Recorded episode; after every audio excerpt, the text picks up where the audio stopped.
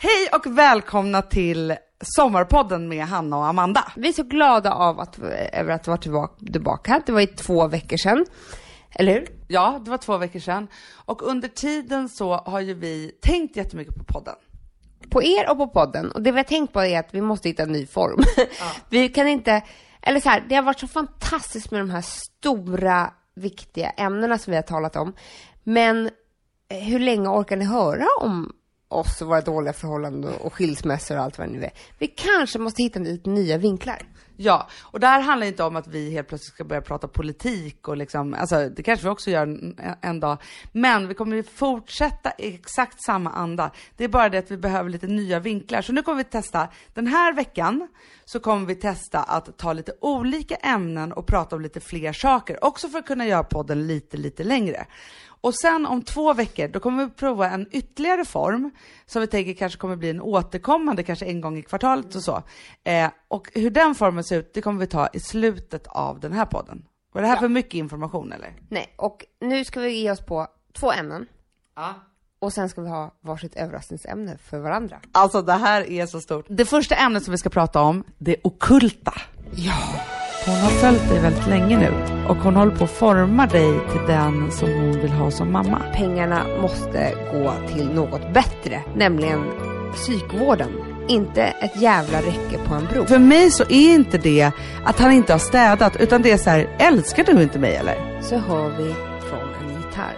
Dum, dum, dum. Det började med att på midsommarafton så kom det fram en man till Alex och sa att han, jag vet inte varför de talade, men de pratade i alla fall och han sa att han flyttat hit bara någon kilometer från oss här på Gotland. För att han nu skulle studera det okulta på heltid. Det är tydligen något otroligt som händer här. Och det är så sjukt spännande och vår första fråga till Alex var ju så här, men vad då frågade du? Han bara så här, nej, jag ville skratta honom rätt upp i ansiktet och gå vidare. Alltså han tror ja, inte på det här. Nej men och det där, jag måste bara säga det Hanna, att ja, det finns ingenting som gör mig argare än och det här, eh, förlåt, men det är faktiskt flest män som tycker att det här är nonsens. Och jag vet inte, men då, det, det får mig att tänka på att de är såna rädda människor. Ja, men jag tror att det är det. Det är för att de är livrädda för spöken, att det skulle finnas någonting annat och att de liksom är, de blir som små pojkar igen och när de då har blivit vuxna så det enda de kan göra är att vara så här, ja, det kan ju du tro på om du vill liksom. Ja, vi kvinnor är väl mycket modigare där. Sen finns det en annan man, han som flyttade hit till exempel. Men alltså jag känner att efter vi har spelat in den här podden måste vi ju, det här måste bli nästan som en följetong. Vi måste söka upp den här mannen och fråga exakt vad det är han kommer studera liksom. Eller är det vi som är det okulta? Jag behöver fundera på det. Är han ensam här? Bor han här ensam och liksom utan el och vatten för att bara känna av andarna? Men också så här, hur studerar man det okulta? Går man upp mitt i natten? Är det liksom tolvslaget som är det? Eller känner han bara in vibbar? Eller liksom, hur är hela grejen?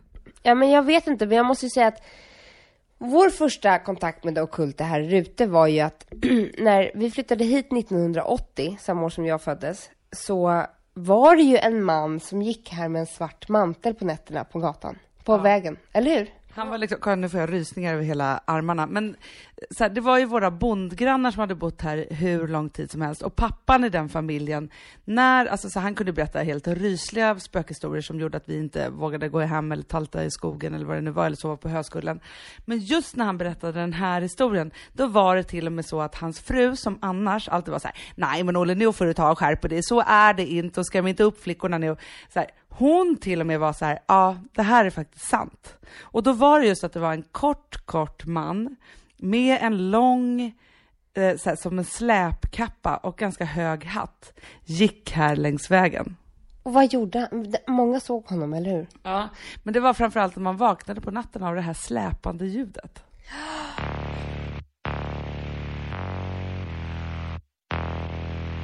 Sen vi kom hit, vi har varit här i tre veckor, ungefär var, nästan varje natt, inte några nätter när det har regnat, så kommer det klockan fem en stor kaja. Du vet som en kråka fast mycket, mycket större. Som är eh, enormt stor och svart. Man skulle kunna tänka sig att det är en svart mantel och en svart hatt på. Mm. Och knackar på vår dörr som en människa och sen låter den så här. Wah, wah. så att vi alla vaknar. Den ska in i vårt hus. Och han är så bestämd den här fågeln. Alltså han, det, är som, det känns som att det är nästan en människa. För att innan trodde jag ju, gud det har hänt någonting, någon som står och på dörren. Det var det inte. Det är den här fågeln som alltid försvinner innan vi liksom hinner skrämma bort den. Så ni har aldrig sett den? Jag har sett den flyga iväg en gång. Men man undrar ju, för, för det är ju mycket det här om man ska liksom ta tillbaka, det är ju, jag tror ju jättemycket på andliga ting. Jag tror på liv efter döden eller att det finns olika liksom, eh, dimensioner av olika saker och ting. Och framför allt så tror jag på att vårt nästa steg i vårt samhälle är att komma i kontakt med vår andlighet och förstå alla tecken som finns runt omkring oss och se andra saker. Ja, och det tror jag bara handlar om att lära sig att fokusera, känna in energier och vara lite mer öppen. Och det det, då, då kan man ju inte vara rädd. Det är det. Nej. Alltså det kanske Men... är så att jag skulle kunna tala med den här kråkan och fråga, det kanske är samma man, det kanske är något som stör en, att vi har bott att vi har kommit dit eller alltså... Ni har gjort något fel i år eller något. Men för grejen var så här att jag, det här huset då som jag bor i, var det ju en, en kvinna som hade bott i i hela sitt liv och dog också i det här huset när hon var 97 år gammal. Vet du vilket rum? Nej, men hon hade ju inte varit hon hade ju inte varit på, eller så dog hon på sjuk, alltså jag vet inte om hon dog knallfall här. Jag vet att hennes man gjorde det. Han kom in en dag, han var ju såhär gårdskarl liksom så, när han var jättegammal så kom han in en dag, la sig på kökssoffan och somnade in. Så skönt. Det var mysigt. Efter lunchen liksom. Så. Men, nej men, och då var jag så här, för det var också så här, jag köpte det här huset av hennes syskon och det var ganska liksom, man förstod att det var mycket för dem att sälja det här och lite så här, o, så här stridigheter inom liksom familjen.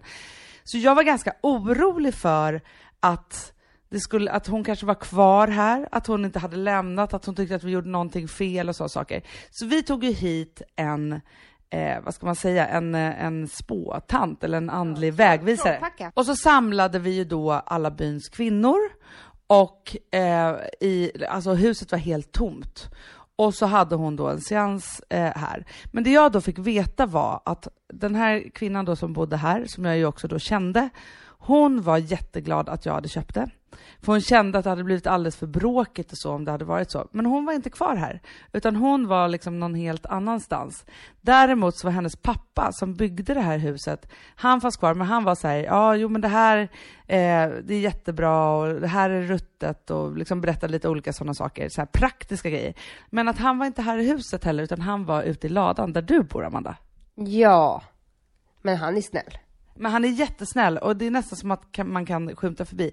Men i vilket fall som helst så vill jag bara säga det att i mitt hus här på Gotland, jag vet ingen snällare ställe på jordklotet och det är helt tomt. Ja, och han bara skyddar oss där ute i ladan. Han är jättesnäll. Men borta hos mamma däremot, ja. där är det ja. Nu kommer en ganska ryslig historia. Så att sätt er ner och eh, Tänd ett ljus och lyssna på denna sanna spökhistoria. Vi kommer hit. Det är försommar. Jag, Hanna och mamma. Och vi kommer direkt från båten. Det är kväll och vi sätter oss på nedervåningen där köket är.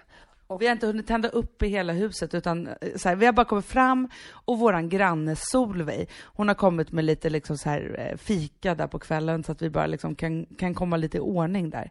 Så det är liksom tyst och mörkt, eh, vi har tänt en liten brasa och vi sitter runt köksbordet. Ja. Vi har precis ätit upp det lilla fikat och helt plötsligt som att alla blir tysta samtidigt så hör vi från en gitarr. Dum, dum, dum, från övervåningen. Alltså vi blir helt livrädda. Vi tänker så här, någon är där uppe. Vad är det för gitarr? Hur är det här möjligt? Ingen vågade gå upp.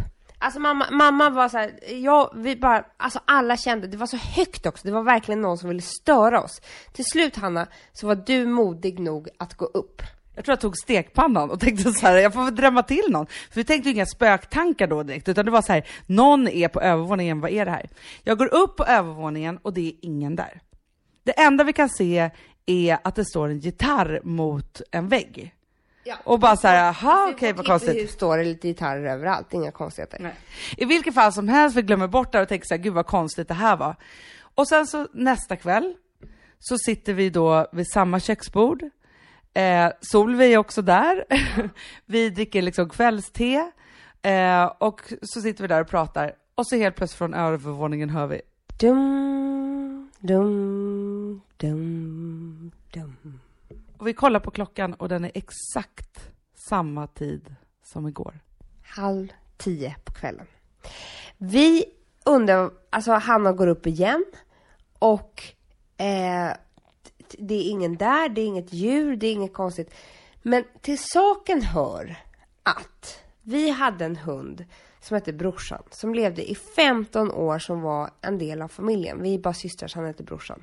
Och han gick alltid i vårt hus, han är begravd i trädgården också, och viftade med sin svans på alla de här gitarrerna som stod överallt. Så det kändes så, här, så att, och någonstans, jag vet inte varför den här gitarren hade hamnat på övervåningen. Men vi bestämde oss för att det måste vara brorsan och att han, för han var alltid, den enda gången han gick upp på övervåningen, för det är en väldigt brant trappa där, var när det åskade eller något, eller han blev rädd för något. Så grejen är att så här, han kunde inte komma ner själv, så att då tog vi ner gitarren och så slutade den att spela själv. Och det lustiga var, kommer jag ihåg, att när alla kom på det här samtidigt, du, jag, mamma, Solveig, att det är klart att det är brorsan. Det var så självklart. Så att det var inte, och sen dess har vi aldrig hört gitarren. Nej. Och brorsan är ju så här, som Amanda säger, han blev begravd där i trädgården. Och när man är hos mamma, då hör, han hade alla sina så här hundskattemärken i sin, sitt halsband som skramlade lite så här. Och väldigt ofta så hör man det där skramlet eh, då han liksom kom in i köket eller gick ut genom dörren eller vad han nu gjorde. Så att han i allra högsta grad huserar fortfarande i mammas hus. Men med all bekvämlighet. För jag måste säga det också, så här, jag tycker inte att snäll andlighet tycker inte jag är läskig. Utan jag tycker att det är ganska så tryggt. Nej, men jag tror inte ens att det finns några elaka spöken. Det kan finnas spöken som inte känner sig, alltså de, de har fastnat någonstans och det är inget bra för dem. Så de gör väsen av sig för att någon ska hjälpa dem på något sätt. Men det onda vi har här i världen, det är ju så mördare som kommer in for real och bara så här, alltså det är då... Breivik. Ja. Eh, men däremot så är det ju så att spökena och liksom det andra, det kan ju vara kusligt för att man inte riktigt vet vad det är. Men det finns ju ingenting elakt i det. Men däremot så finns det ju någonting sjukt spännande i allt det här.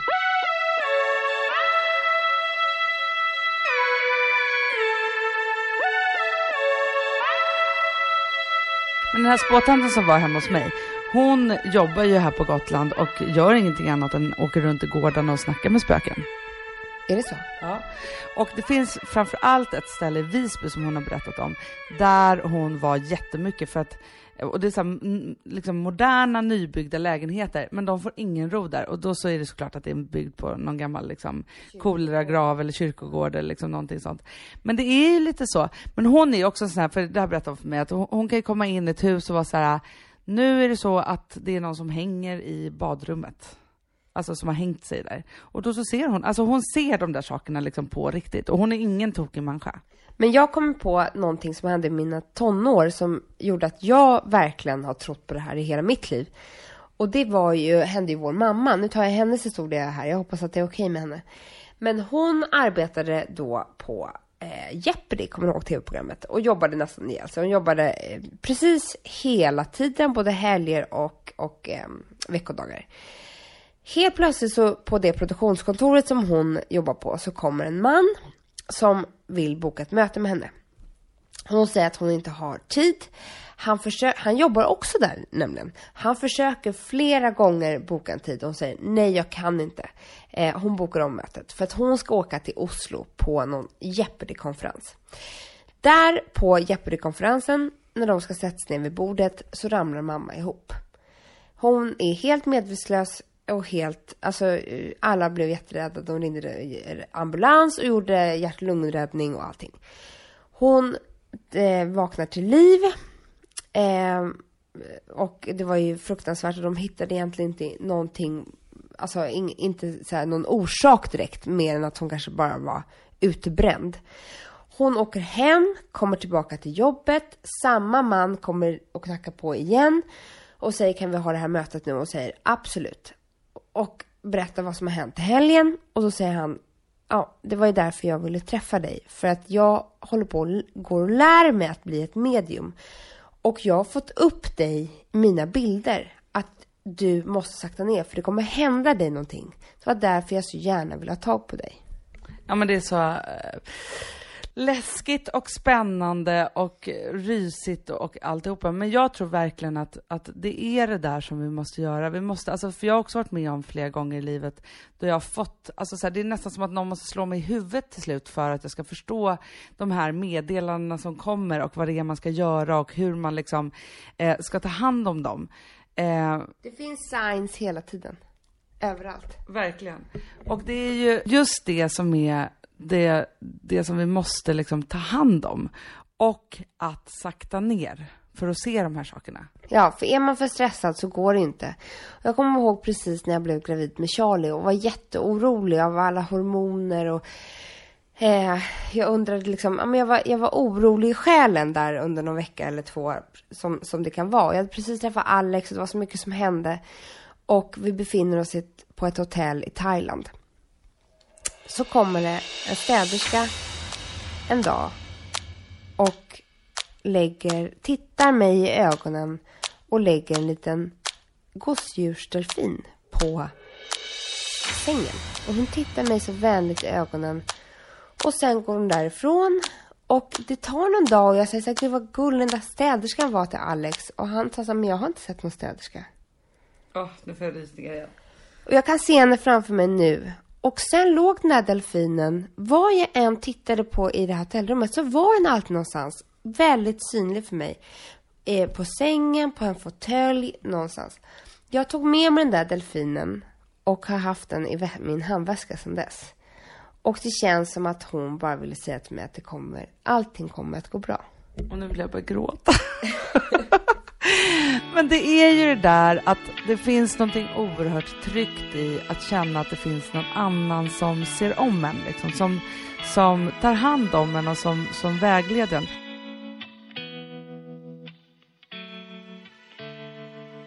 Sambla som vi sponsrade av är tillbaka. Ja, men det tycker jag är så kul. Vet du vad jag kände? Äntligen! För det här behöver man göra om och om igen och särskilt nu.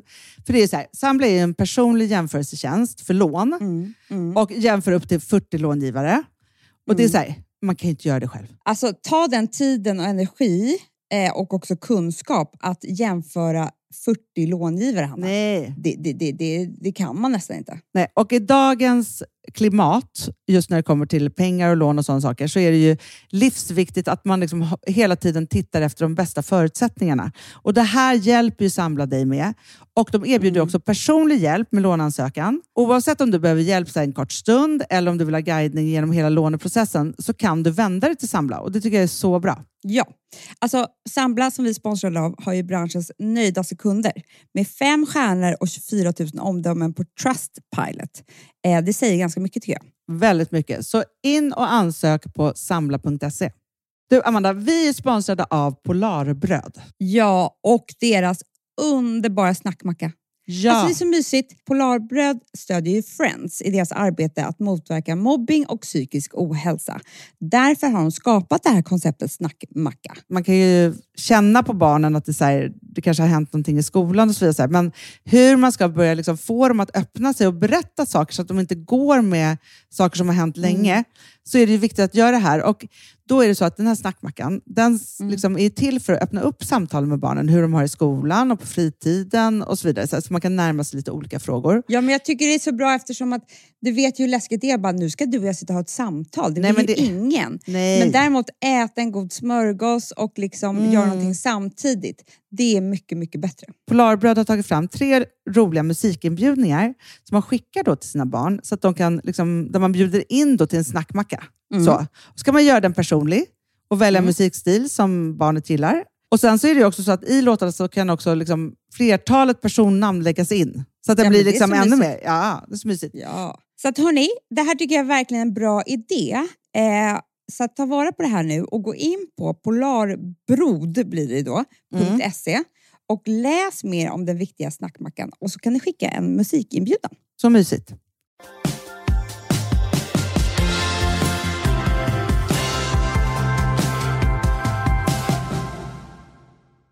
Vi höll på med något jobbuppdrag Eh, så att vi skulle vara med på en seans hos en kvinna som heter Vendela, tror jag att hon hette. Och hon var väldigt så här, omtyckt och omtalad och liksom så.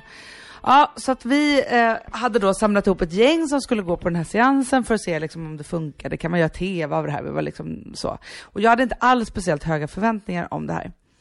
Och då i alla fall så eh, började det då, alltså hon, bör, alltså så här, hon började då prata om, så här, ah, nu kommer en person till mig här nu som är på det här sättet. Och det liksom var så här, den ena grejen efter den andra. Det var en tjej där som hade mist sin mamma och hon grät jättemycket och jag grät jättemycket. Alltså det var verkligen liksom starka historier. Så säger hon helt plötsligt, ja ah, men det kommer, nu kommer en man till mig här. Och han är väldigt ståtlig och han är otroligt eh, eh, hövlig och, och, och så. Eh, och han har nycklar i fickan. Jag ser eh, segelbåt och havet ser jag och eh, en ö. Och jag bara så här, vänta, nu låter det här som min morfar. Eh, och till saken hör faktiskt att, att i hela mitt liv, eller sen min morfar dog, vi hade inte en jättenära relation under tiden som, som han levde, för att mamma var sladdbarn och de var ganska liksom, gamla. Eh, men jag vet att morfar tyckte väldigt mycket om det som, som vi gjorde. Han älskade att rida också, det var massa sådana saker. Så jag tror att han, det känns som att han ville följa med lite längre än vad, vad han kunde. Eh, så. Men i vilket fall som helst så säger jag så ja ah, det låter som min morfar. Hon bara, ja ah, jo det, det är rätt. Eh, och sen, hon bara, han har några meddelanden till dig. Så här. Och sen då radar hon upp olika saker. Jag hade väldigt så här, stora problem med min dåvarande chef, för det var så här, ja, det var jättemycket jobbiga saker som hände på mitt jobb just då.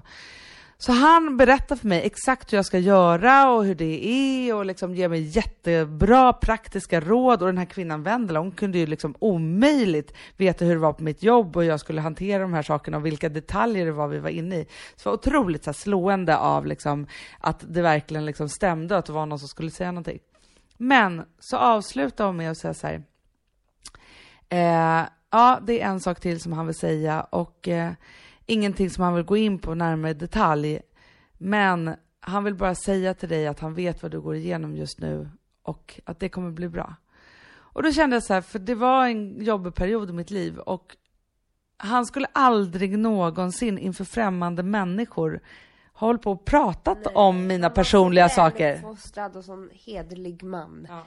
Och då finns det någonting otroligt härligt i just att, att man följer med. Och det där kan jag känna jättestarkt att att min mormor, hon, jag tror inte hon bryr sig ett skvatt om vad, vad jag är eller så. Men jag drömmer ganska ofta om min morfar. Jag har sett honom i drömmar, ibland så drömmer jag om honom flera gånger och då tar jag till mig det där. Eh, för jag är ju en, en, eh, och nu, det låter kanske jätteknasigt för er som inte tror på det här, men en sanndrömmerska. Du drömmer ofta sanndrömmar? Ja, jag får ju meddelanden eh, till folk och det här har jag alltid fått hela livet. Och när jag var yngre så var det ibland jättesvårt att ta hand om de meddelandena. Jag kunde komma till jobbet och så här, se en, en ytlig liksom, alltså bekant i en arbetskamrat som bara så här, åh gud, jag drömde om dig i natt och det var så att du bråkade med din pappa och, eh, och sen tog du livet av dig och, och han är jätteledsen och så blev den här människan jättebestört liksom. Och så var jag så här, men gud förlåt, bara så här, men jag bråkade jättemycket med min pappa igår. Och då har jag ju förstått nu när jag har blivit lite äldre och lite mognare att det här, alltså döden handlar nästan aldrig om döden när man drömmer saker och ting. Så att för, jag var så här, men det måste ju vara så att, att den här, alltså jag, om jag hade gjort om det här meddelandet idag hade det varit så här, du, vet du sak, jag vet att du och din pappa bråkade och han är helt bestört av det, för det känns som att du kanske aldrig mer kommer komma tillbaka. Men tror du, eller känner du att du får en uppgift, att du måste nästan söka upp människor om du har drömt någonting, eller vill du behålla det för dig själv? Det är ganska olika. Ibland så blir det så fruktansvärt påtagligt. Men också, jag måste säga det här att om jag är för stressad, då drömmer jag ingenting. Men däremot som nu när jag är på Gotland och börjar slappna av och så här, då börjar de där drömmarna ticka på liksom. Då är det som eh, sådana saker. Men jag måste ju varje gång sätta mig ner och analysera det här och komma på vad det är det här meddelandet är. Och ibland så är det bara så att man känner så här, ja ah, men jag ska nog bara veta det här. Eh, för att om det skulle hända någonting och så. Men ibland så drömmer man ofta, eh, alltså när det blir så riktigt påtagligt, då är det ju så att det kommer liksom om och om igen ett liksom budskap som jag ska säga till den här personen. Det är ju helt otroligt. Jag ser ju väldigt mycket döda människor. Mm. Alltså, när någon person har dött så ser jag den här personen ett tag efteråt. Alltså säkert 30 gånger. Men vadå, är det en känd person eller en okänd eller en gammal kompis eller? Nej men det är ofta personer jag känner, alltså vet vilka det är. Det är, det är inte så att jag ser, går och ser Michael Jackson på gatan här på Rute. Jag förstår. Utan, men och sen så är det ju, det är inte så, så att jag ser en död människa och sen försvinner den. Utan jag ser den här människan och sen så efter ett tag får se att det är ju inte den, det är en annan människa. Ja men jag förstår, du har den liksom i, det är som att den sitter kvar där. Den sitter kvar lite grann, alltså dö, döden finns kvar och eh, jag känner av den liksom väldigt väl. Det är inte läskigt eller så, men, men, men också Hanna, har du varit med om, när man kan se, det tror jag att ni också har varit med om, helt plötsligt ser man någonting i ögonvrån. Men det gör jag jätteofta. Eh, men jag kan också säga så här, för det här är också en sån sak som jag tänkt på, för ofta när man är, har lite mediala eh, begåvningar, så, gåvor eller vad man ska kalla det för, så är det så att man har det när man är liten och sen så försvinner det och sen så kommer det tillbaka när man är så här 25 och lite liksom äldre.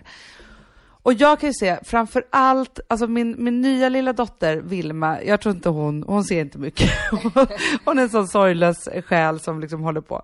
Men däremot Rosa, Eh, när, alltså, när hon var liten, så tittade hon på saker som inte var där.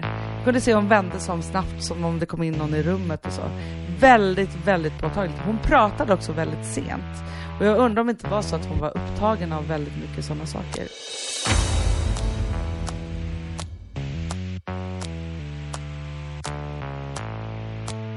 Men jag var också eh, hos en, en spåtant en gång och då så säger hon så här, hon bara nu, och det här var ett år innan Rosa kom till. Och så, så, det var på sommaren, Rosa är född nästa år i september. Och då så sa hon så här, hon bara, nu kommer det en liten flicka här till dig. Hon har, eh, eh, hon har vit klänning och hon har grönt hårband. Och hon bara säger att hon har följt dig väldigt länge nu. Eh, och hon håller på att forma dig till den som hon vill ha som mamma. Och det är så att för att hon är ganska sträng och eh, uppfostrande och så. Hon har varit din mamma i ett tidigare liv och nu ska hon bli din dotter. Eh, och hon kommer komma till dig väldigt snart. Hon ska bara se till att du behåller ditt barnasinne och fortsätter vara sådär för att hon behöver det. Och du behöver henne jättemycket för att kunna bli vuxen. Och så klappade den här lilla flickan på min panna och sen så gick hon därifrån. Och ett år senare så kom hon. Jag ville gråta. Men till saken hör. Aldrig en podd utan gråt. Men till, just det här om man ska prata om barn och bebisar. Men till saken hör också att, att eh, hen, Rosa har en storebror som heter Bill och hans absolut favoritfärg är grön. Så när vi sa så här, vad, att hon skulle heta Rosa, så sa han så här, ja men då ska hon heta Grön Rosa. Och jag tror att det var det där gröna bandet. Ja, det är klart att det var.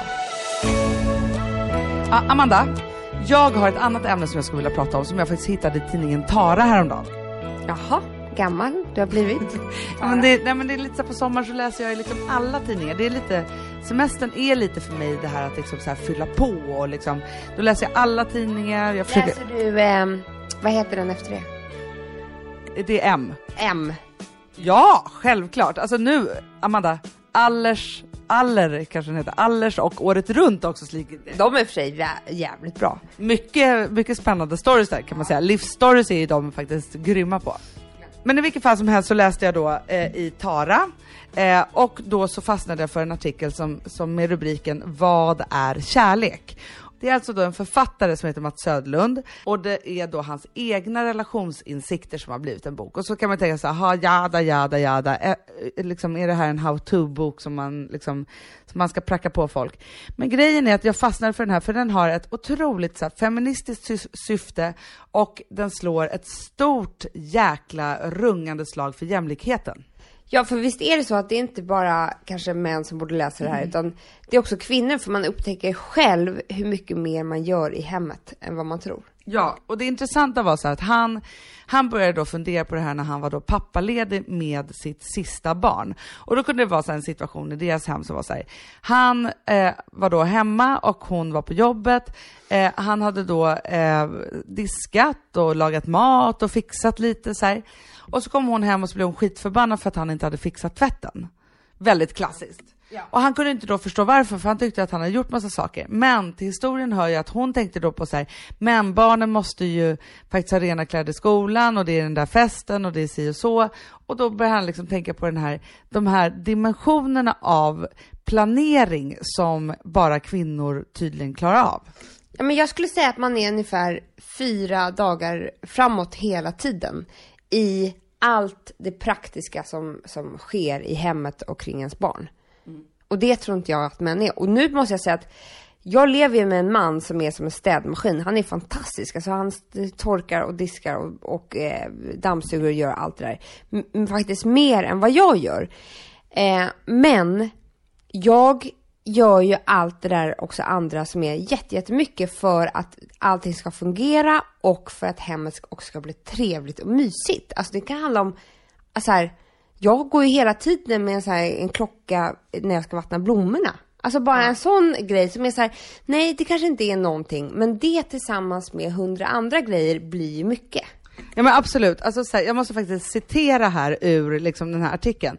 För då är en fråga så här, varför heter din bok Göra kärlek? För Göra kärlek heter då den här boken. Och då svarar han så här, kärlek måste visa sig i handling. Virginia Woolf beskriver så träffande hur kvinnor i alla tider slitit med att pynta och städa, plockat fram julen och plockat tillbaka den, se till att ungarna mår bra och att blommorna lever.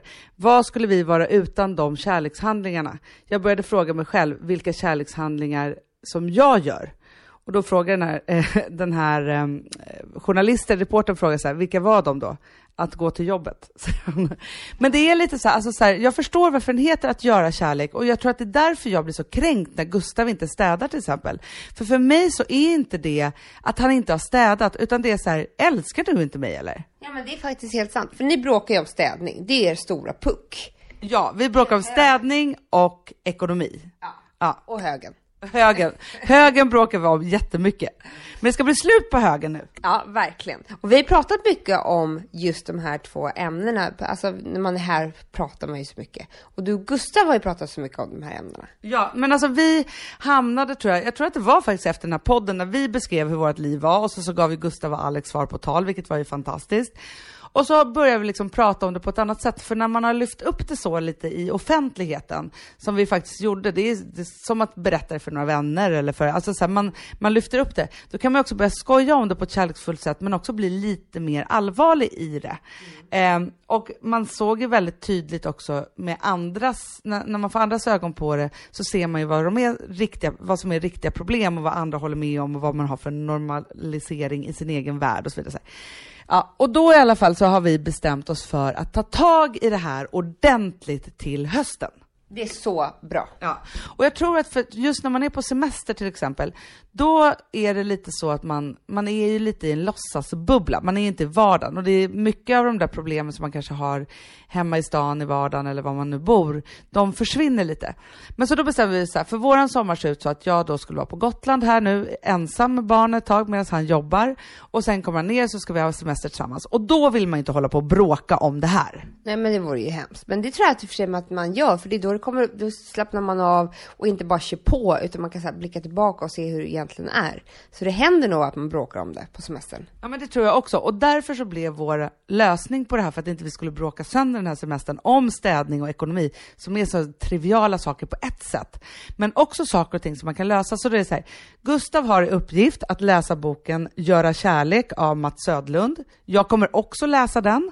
Eh, och sen så är det så då att han ska tänka på hur han vill ha det rent praktiskt och ekonomiskt och liksom alla sådana saker. Och då kan inte svaret vara så här, jag vill ha hemhjälp och en miljon på banken. det vore det enklaste. Det vore ja. Eh, och då så, eh, och så ska jag tänka på samma sak. Och sen kommer vi i slutet av sommaren sätta oss ner och ha ett möte om det här då vi pratar igenom de här sakerna. Och sen så har vi lovat varandra att vi i alla fall tre gånger ska gå i parterapi.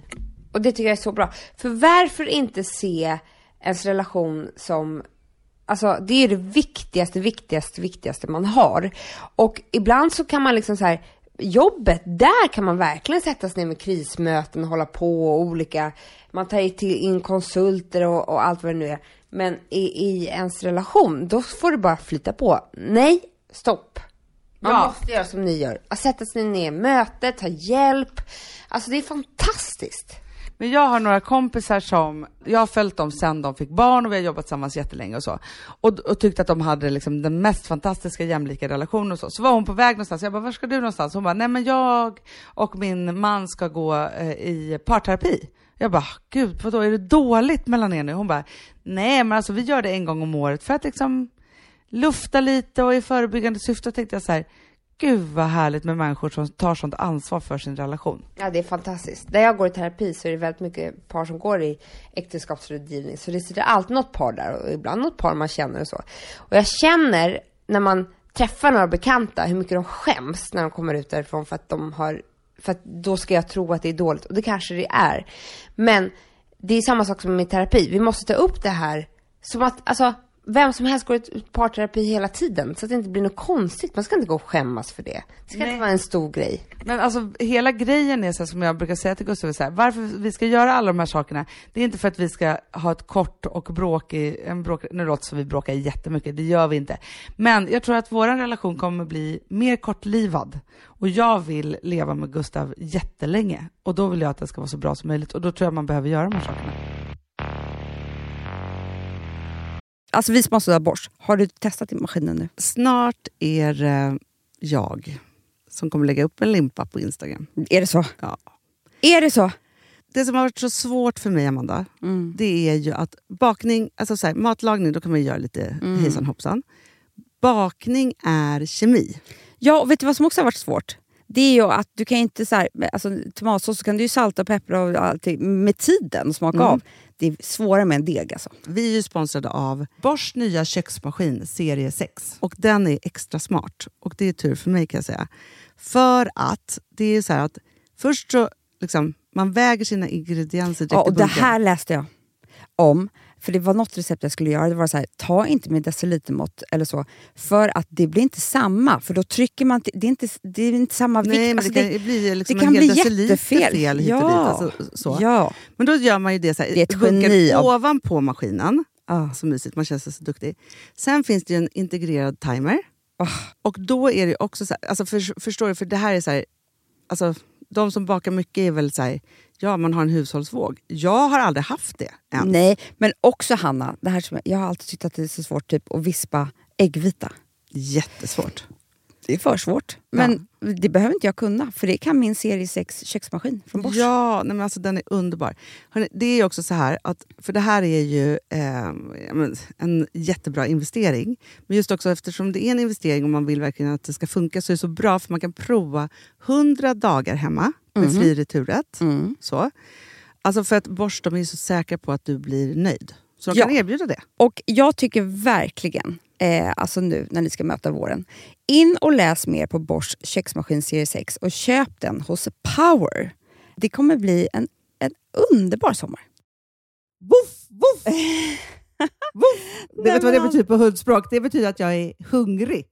Jag vet, men vet du? Nej, jag är sugen på Prima Dog. Ja. Vi är sponsrade av Prima Dog. Ja. Det är vi.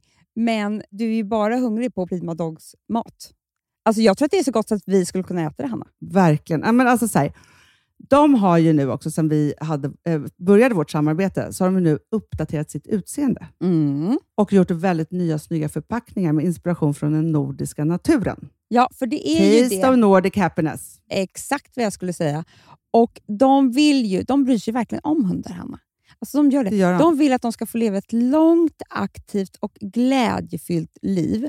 Och Därför har de skapat de här produkterna som är väldigt snälla för magen. Och Det, alltså, det måste man tänka på med små woofsisarna. De vill vara bekymmersfria. De vill inte ha ont någonstans. Nej, men det blir också så att hundägarna blir också bekymmersfria. För annars kan man ju vara så här, "Ha, behöver du gå ut nu eller inte? Har du ont i magen? Alltså, hundar kan ju Också inte på prata. mina mattor blir bekymmersfria. Ja, det är så bra. Om man nu ska Nej, här, prata om för, sånt. För, för hundmaten från Prima Dog, de innehåller ju alltid mycket kött och är alltid fritt från vete. Mm. Och Det finns ju också spannmålsfria alternativ om hunden har extra känslig mage. Ja, alltså hörni, ni måste, eller ni testar, er hund måste få testa det här. Och ni hittar ju Prima Dogs produkter i er lokala matbutik eller hos återförsäljare online. Ni kan gå in och läsa mer på primadog.se. Taste of Nordic happiness. Voff!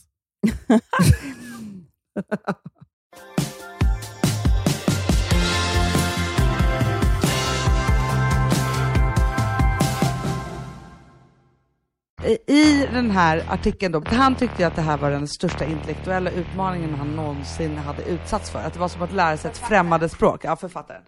Och det som de hade gjort som var så himla intressant, det var att ta reda på liksom, alltså hur jämlikheten såg ut egentligen. Hur många saker tror du att eh, var på hans lista? I vad då? I hemmet? Ja, i hemmet, av allt man gör liksom. 10. Ja, men nästan 30. Men det intressanta är inte att han gjorde 30 saker, vilket man kan tycka är ganska mycket. Det är att på hennes lista så var det 300 saker. Åh gud. Jag måste göra hem och göra lista. Ja, men så jag tror så här, vill man mäta sin jämlikhet i relationen, skriv ner då allt ni gör. Från att betala räkningar till lägga in tvätten, till läxor med barnen. Alltså allting som är är liksom eh, hemmet och livet, liksom så, så, ska man skriva ner. För att då är det, och, och sen så också vända på det, att det här handlar inte om så vem som ska göra mest och vem som si. Det här, han gjorde 30 kärlekshandlingar, hon gjorde 300. Vem är då, då faktiskt bäst i kärlek? Hon. Det kan man säga. Men alltså jag tycker att det här är väldigt bra. Alla borde läsa den här. Och han är en förebild måste jag säga. Han är snygg också, ser du det Hanna? Men han är jättesnygg och vet du vem han är gift med? Mm. Han är gift med den coola kvinnan som heter Susanna Alkowski som har skrivit bland annat Svinalängorna. Hon är värsta superduktiga författarinnan. Är det nu vi kommer till våra överraskningsämnen? Får jag börja? Nej, du ska börja. Nej, men du kan få börja. Jag är bara så nervös nu. ja du Hanna. Jag tar fram min lilla tidning här. Var är den nu då? Här. Jag sitter på den. En artikel i dagens DN som då kommer vara gårdagens DN för er. Där det står att skyddande räcke ska stoppa hopp från Västerbron. Nu sätts ett skyddsräcke upp på Västerbron för att stoppa fler från att hoppa. Inom två år ska ett tiotal broar i Stockholm förses med skyddande staket. Och då blir jag så himla upprörd när jag läser den här stora artikeln, för jag bara känner så här, men herregud, pengarna måste gå till något bättre, nämligen psykvården, inte ett jävla räcke på en bro för att minska självmord. Det sjuka är att det är en underrubrik här också som det står så här, hopp från bro är inte det vanligaste.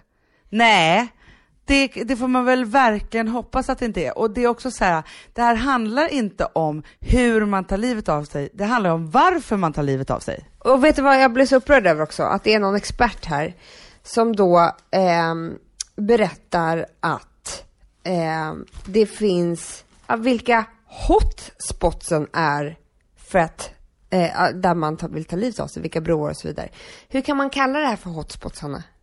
men det är helt sjukt.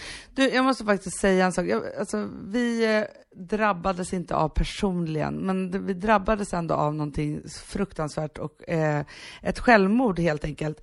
För att det var en flicka som var i yngre tonåren som, som hoppade framför ett tåg eh, vid vår tågstation.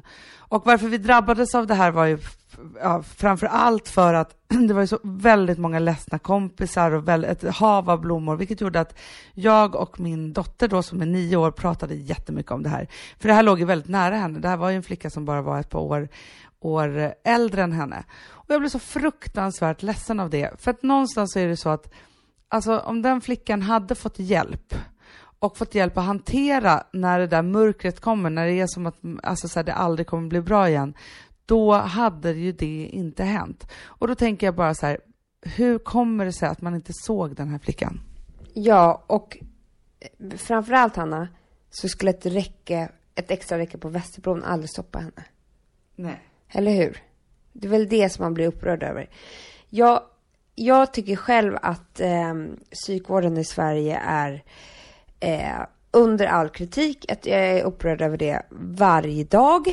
Jag eh, behövde själv hjälp eh, när jag var eh, yngre över liksom, eh, psykisk ohälsa, eller vad man ska säga, panikångest och sådär. Och det var extremt svårt att få det. Och om man då ska verkligen få bra hjälp så kostar det jättemycket pengar om man ska gå privat.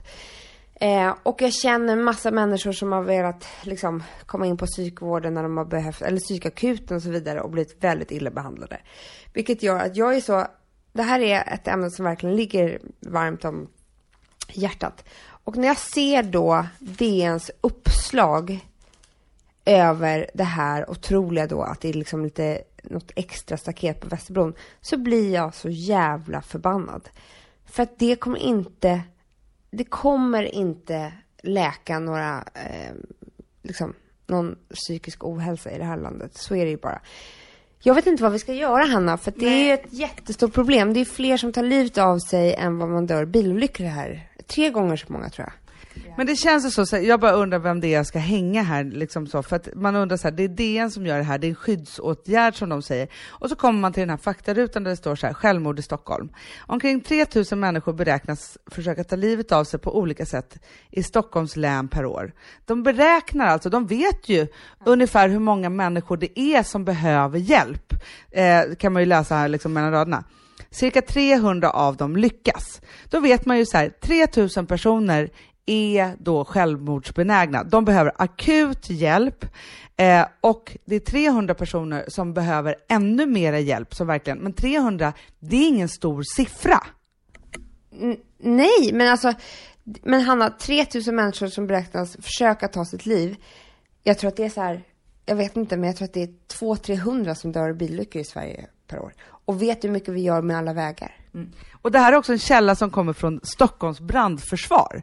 För mig är också det helt sjukt att ah, oj, det här är tydligen ett problem för polisen och brandförsvaret i Stockholms län. Inte att det är ett problem för mänskligheten att vi mår sämre och sämre. Vem, och vi måste ta tag i det här och skapa bättre psykvård. Det är så här, vi skäms över vår psykiska ohälsa. Därför, därför ja men det måste vara så att vi gör det i Skandinavien för att vi, det finns, alltså vi bara tystar ner, tystar ner, tystar ner. Och om ni inte visste det så skär man ner på psykvården varje dag i Sverige. Det är bara liksom som att det där problemet bara ska försvinna, som att det är något så här uteliggarproblem. Alltså, vi mår så jävla dåligt och det är i alla, eh, alltså alla olika typer av människor, åldrar och eh, klasstillhörigheter. Alltså alla mår eller inte alla då, men väldigt, väldigt många människor mår dåligt idag. Och många av dem vill någon gång ta sitt liv. Och det är fruktansvärt, för det är så många andra som blir drabbade runt dem också. Men är det så här Amanda, att det här är vårt stora upprop mot politikerna eh, för att de ska skärpa till sig och se till att satsa mer pengar på det här. Det är Almedalsveckan, så det känns ju lite som att Eh, egentligen borde vi stå på Donners torg eller vad det är man står och, och eh, säger vad man tycker och så just nu. Men då gör vi det via vår podd istället. Och alla ni som hör det här, sprid detta vidare så tror jag i alla fall att vi, och hoppas att vi kommer komma någonstans, att skit i skyddande räcken. Eh, lägg pengarna på vård istället. Ja, vi ska ju jag tycker att vi ska göra en riktig kampanj här i höst där vi går till något mer konkret så att ni har någonting att verkligen stå upp för, ni som håller med oss om det här. För att det här är en, ett av de viktigaste ämnena och när det går ner till så låga åldrar också som den här tjejen som du talade om, flickan, då blir man så himla himla ledsen och orolig.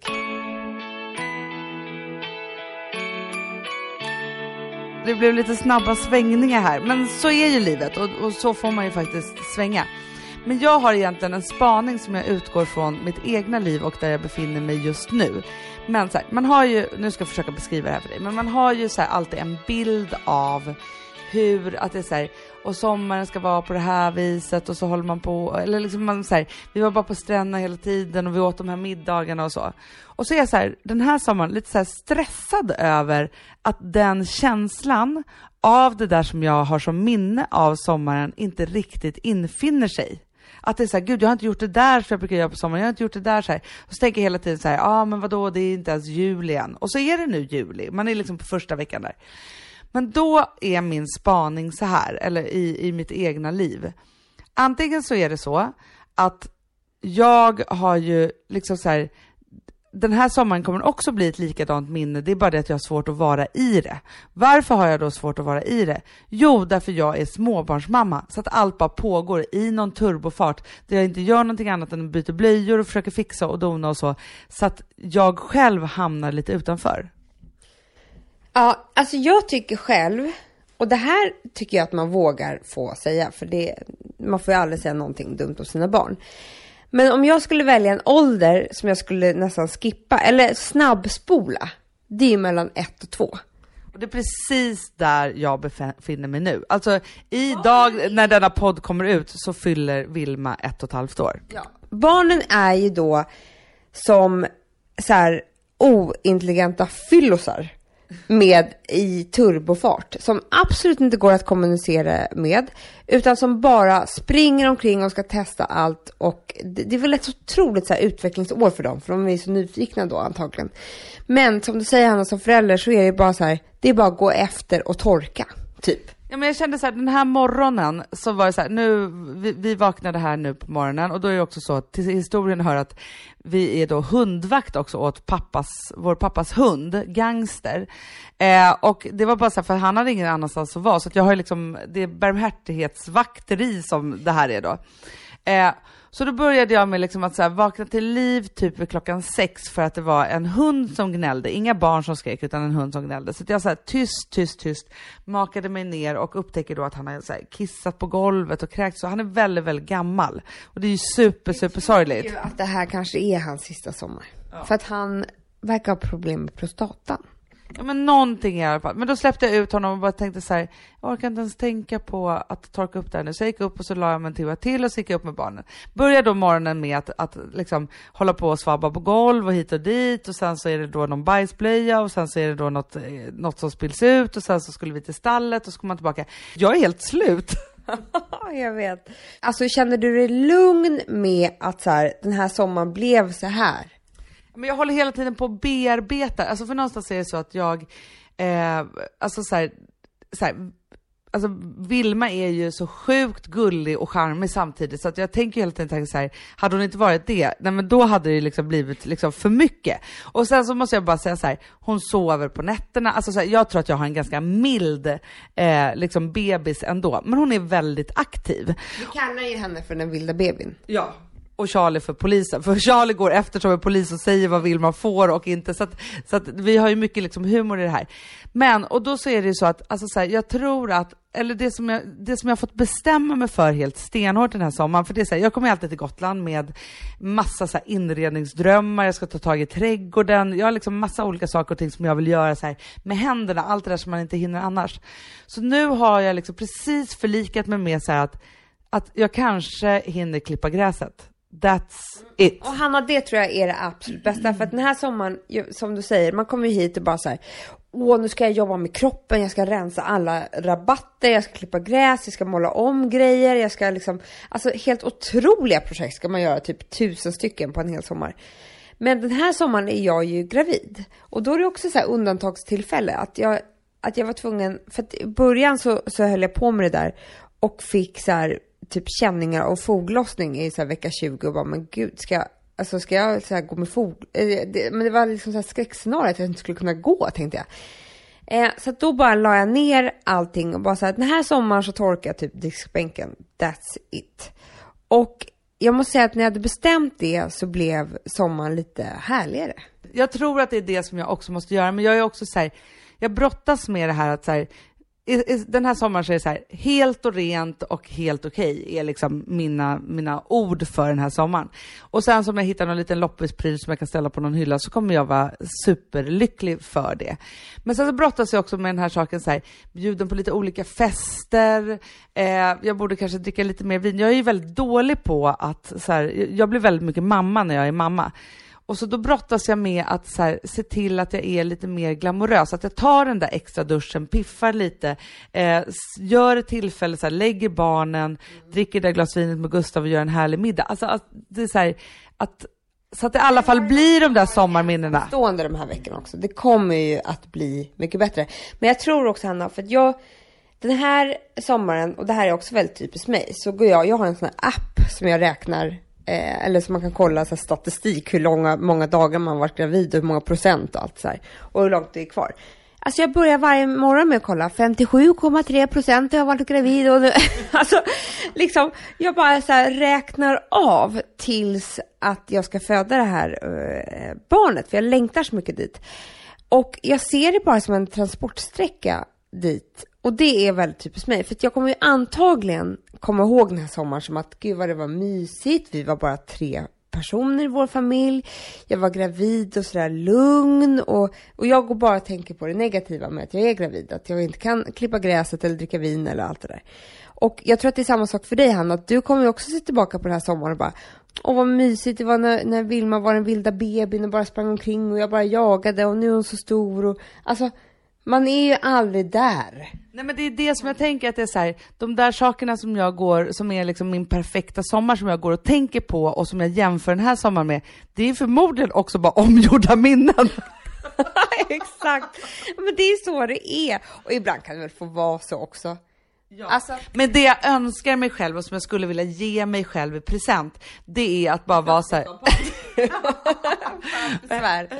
Eh, en flaska champagne för allt besvär. Nej, men det är väl bara att liksom så här, kunna softa i det här och vara så här, det är helt, alltså så här, när, när, när jag berättar att liksom vi har varit här på Gotland tre veckor och nu har vi flyttat vårt bolag hit och så här, då tittar folk på mig med de största avunden som jag någonsin, folk vill spotta en i ansiktet typ för att man är så här, har möjlighet att ha ett eget bolag och kan göra det och när barnen är små och så vidare så här.